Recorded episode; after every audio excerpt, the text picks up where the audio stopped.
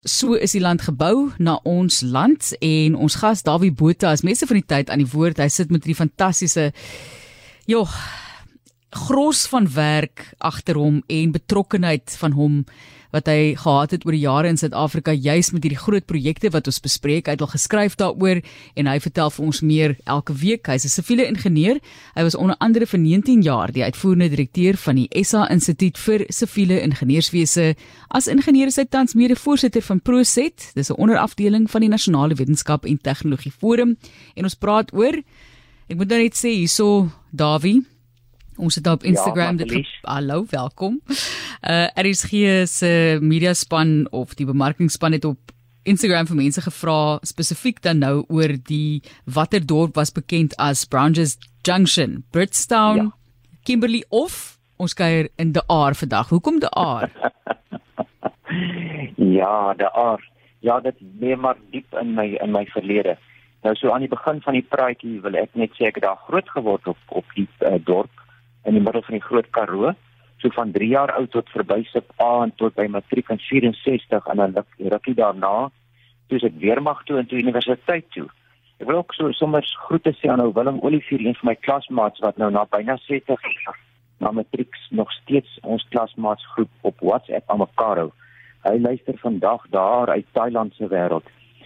Nou ons het lewenslange hegte bande op daardie dorpie gesmee en toe so terloops daar's 'n hele paar boekies uitgegee met die dorp se stories. En van die boekies is geskryf deur ons ou klompie. En een van ons onderwysers in standaard 6 wat in standaard 6 ons onderwyser was Connie Nolte het die boekie ander kan die subway aangestel is saamgestel. Nou die subway daar's twee op die dorp, een op die stasie en dan een wat onder deur al die spoorlyne loop na die ander kant van die dorp toe. En dan is daar die boek wat in 50 jarige fees bestaanjaar van die aar uitgegee is. En die naam van die boek was interessant, Stad van die Toekoms, en dis geskryf deur 'n EA Venter. En dit vertel die verhaal van die byna ewige stryd om genoeg water te hê en natuurlik van die lief en leed deur die jare En hier sit ek nou in 121 jaar na die aas ontstaan en die brakwater van daai boorgate loop nog op my are. Nou die aar het nie alleen 'n kort rukkie 'n ander naam gedra nie, maar het deur die jare ook 'n paar byname gekry. En van hierdie name is die dorp van die windpompe, Rooi Aar spoorwegdorp en ook die plek waar ons so lank moes oorlê om tussen treine vir treine te wag. Maar elke van die naam rooi aar was blykbaar te wyte aan die rooi stofstorms wat ons van tyd tot tyd daar in die dorp gesien het in die Karoo.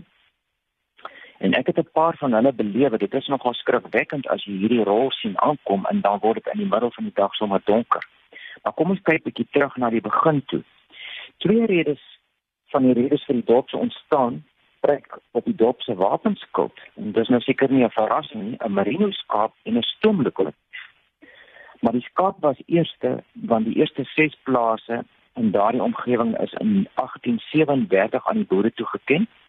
En dit was nadat Sir John Craddock in 1830 die plek geproklaameer het en gesê het hulle gaan dit opneem vir plase. En so dit ook gekom dat Swart Jan Vermeulen in 1839 sy staaning daar op die aard gemaak het by die plek wat bekend by ons was as Witplaasie. Hy was 'n gasvrye boer wat toegelaat het gaste sommer kontent opslaan op sy werf. Miskien was hy die voorbeeld wat ons almal behoort na te streef. Nou ja, toe toe uh, is diamante natuurlik ontdek en al daardie dinge en goud aan die aan die, aan die witwatersrand en die spoorlyne is toe uitgebrei na die noorde kant toe. En in die koloniale wet van 14 van 1881 is die aanleg van die spoorlyn van Boubet na Houtken en Kimberley en ook die lyn van die suidooste kant af dis nou daar van Port Elizabeth se kant af en die rigting Koortsberg aangekondig. En dit het toe uiteindelik beteken dat die Arnas Germiston die tweede grootste spoorwegaansluiting in die land geword het. Die spoorlyn dan die huidige Namibië is natuurlik die vierde been wat by daardie knooppunt bymekaar gekom het. En maar in 1881 daag daar toe siviele ingenieur uh uh, by die boer daar by uh, by meneer Grindling. Sy naam was meneer Hok. En hy kondig toe aan hy kom op met vir spoorlyne wat by Nelse put by mekaar sou aansluit. Want waterverstoomlokomotiewe was natuurlik van uiterste belang. Maar daardie Nelse put kon toe nie genoeg water lewer nie, die aansluitingspunt van die spoorlyn is dus 'n bietjie verskuif. En toe het daar 1400 arbeiders aan die nuwe spoorlyne begine werk. Nou 'n interessante uh, studie ook hier is dat die spanne het bestaan uit Zulu en Fingus of Fengu werkspanne. En die Fengus is van van uh, Khoza oorsprong.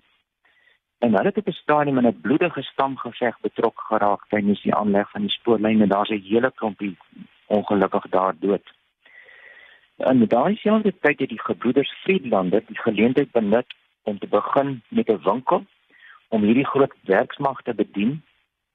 Nou hulle diep spore getrap in die aas geskiedenis en hulle eerste winkel is toe op die huidige terrein van die Hotel de Aar gebou. Toe koop hulle die plaas de Aar van 'n meneer Grimling en in 1902 is die dorp gestig.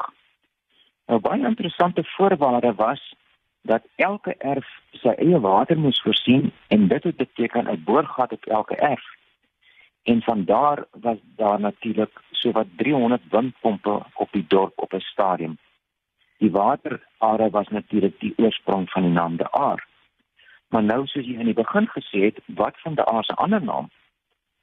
Wel, dis een van die minplekke waar 'n ingenieur vernoem is. Normaalweg word die politici mos maar vernoem dat die damme en die in die dorpe ensovoorts, maar die ingenieur wat die spoorlyn van die Kaapse kant afgebou het, se van was Brownger en die naam van die aar is toe verander na Brownger Junction. Maar toe net vir 'n kort rukkie, want die naam die aar was toe baie meer gewild. En die aar van die aar, nou ja, die ondergrondse water are was gou-gou te min vir die doorstige lokomotiewe. Maar so 30 km suidoos van die aar was die dorpie Prikkerwil, pragtige ou dorpie met 'n klompie huise en selfs 'n kerkie en daar was baie meer ondergrondse water as as by die aar en uiteindelik is hierdie dorpie uitgekoop en is daar waterpyplyne aangelê om te voorsien in spoorwees behoeftes. Mens kan byna sê so was die een se brood die ander se dood.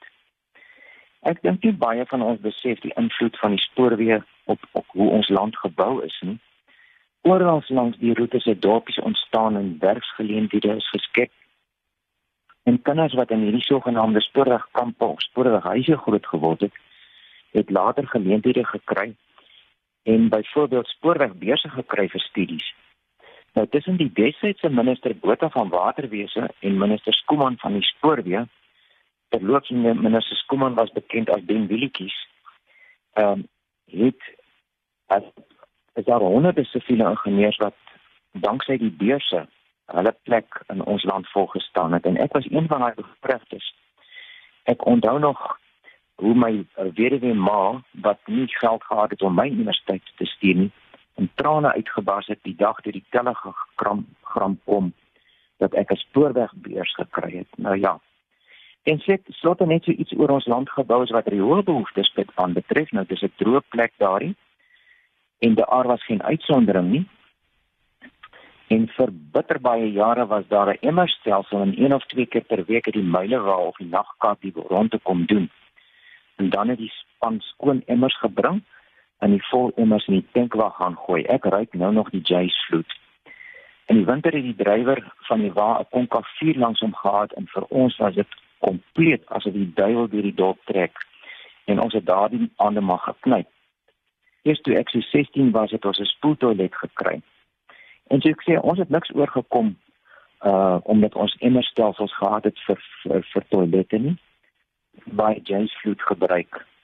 En so ek sê ek onthou daardie reuk nog vandag en net so onthou ek van tot vandag toe kan ek nog die stoomryk van die lokomotiewe onthou. So daar is vandag 'n ander dorp, nooit 'n stad geword nie. Maar ja, die diep verlang of hy nee sit maar daar in 'n mens in 'n dorp wakker gehou deur die skoolmaats met hulle stories en die ou fotos